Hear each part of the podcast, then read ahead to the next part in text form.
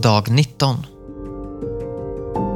När nu barnen hade fått del av kött och blod tog han själv på liknande sätt del av detta för att genom sin död göra den maktlös som hade makt över synden, alltså djävulen, och befria alla dem som av rädsla för döden levt i slaveri hela sina liv. Hebreerbrevet kapitel 2, vers 14 och 15. Dag 19. Julen är till för frihet.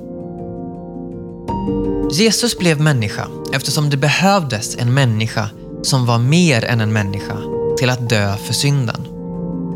När Gud blev människa innebar det att han låste in sig själv i en dödscell. Jesus riskerade inte döden. Han valde döden. Han omfamnade den. Det var just därför han kom. Inte för att bli tjänad, utan för att tjäna och ge sitt liv till lösen för många. Inte undra på att Satan försökte vända Jesus bort från korset, i vildmarken och i Petrus mun. Korset innebar Satans förgörelse. Hur förgjorde Jesus honom? Hebreerbrevet kapitel 2, vers 14 säger att Satan har dödens makt. Det är förmågan att göra döden fasansfull.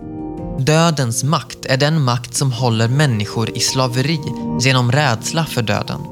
Det är makten att hålla kvar människor i synd så att döden kommer som en skräck. Men Jesus berövade Satan denna makt. Han avväpnade honom.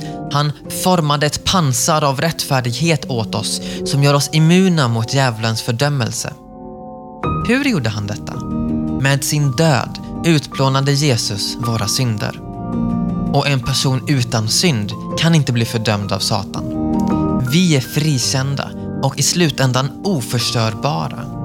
Satans plan var att sätta Guds välde ur spel genom att fördöma Guds efterföljare i Guds egen rättssal. Men nu, i Kristus, finns ingen fördömelse.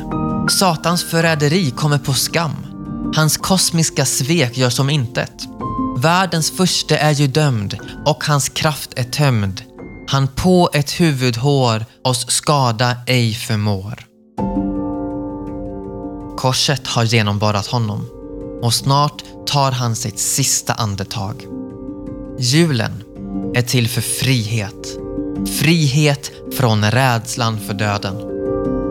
Jesus tog vår natur i Betlehem för att dö vår död i Jerusalem. Allt för att vi skulle kunna vara trygga i vår stad idag. Ja, orädda. För om det största hotet mot vår glädje är borta varför skulle vi då oroa oss över de små hoten?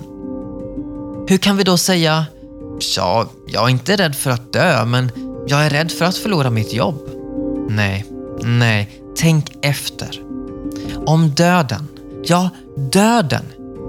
Ingen puls. Kall. Borta. Om döden har förlorat sin fasa är vi fria, verkligen fria. Vi är fria att ta vilken risk som helst för Jesus och för kärleken. Inget mer slaveri under ångest. Om Sonen har gjort dig fri är du verkligen fri.